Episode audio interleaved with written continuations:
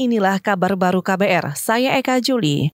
Yayasan Lembaga Bantuan Hukum Indonesia atau YLBHI khawatir penegakan hukum yang dilakukan Komando Operasi Khusus atau Koopsus bukan law enforcement lagi, tetapi one model. Apalagi menurut Ketua Kampanye dan Jaringan YLBHI Arif Yogiawan, Komando Koopsus ini di bawah langsung Presiden, sehingga tanpa persetujuan Dewan Perwakilan Rakyat atau DPR, pasukan ini bisa langsung melakukan operasi militer selain perang. Itu kekhawatiran kami, sehingga kapan pun kan sebenarnya dia bisa menjalankan tugasnya gitu ya, kapan pun tanpa persetujuan dan lain sebagainya. Gitu.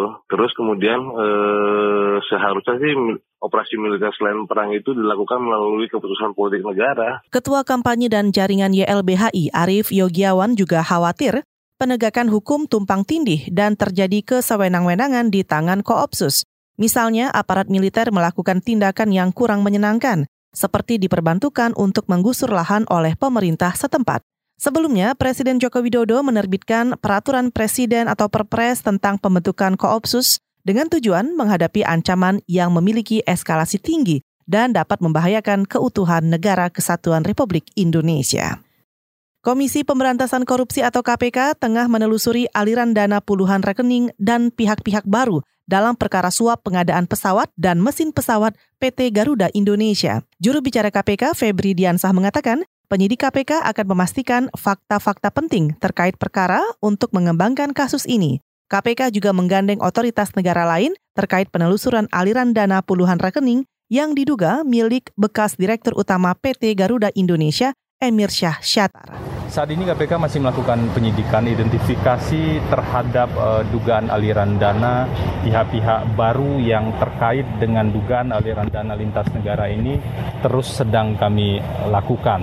Ini uh, merupakan hasil kerjasama kami juga dengan beberapa otoritas di negara lain, termasuk juga identifikasi KPK terhadap puluhan rekening yang berada di luar negeri yang diduga terkait dengan pokok perkara ini juga sedang uh, dilakukan. Juru bicara KPK Febri Diansah juga meminta agar tersangka Emir Syah mengakui semua yang diterima dan dilakukan sehingga tidak ada yang disembunyikan dari penyidik KPK.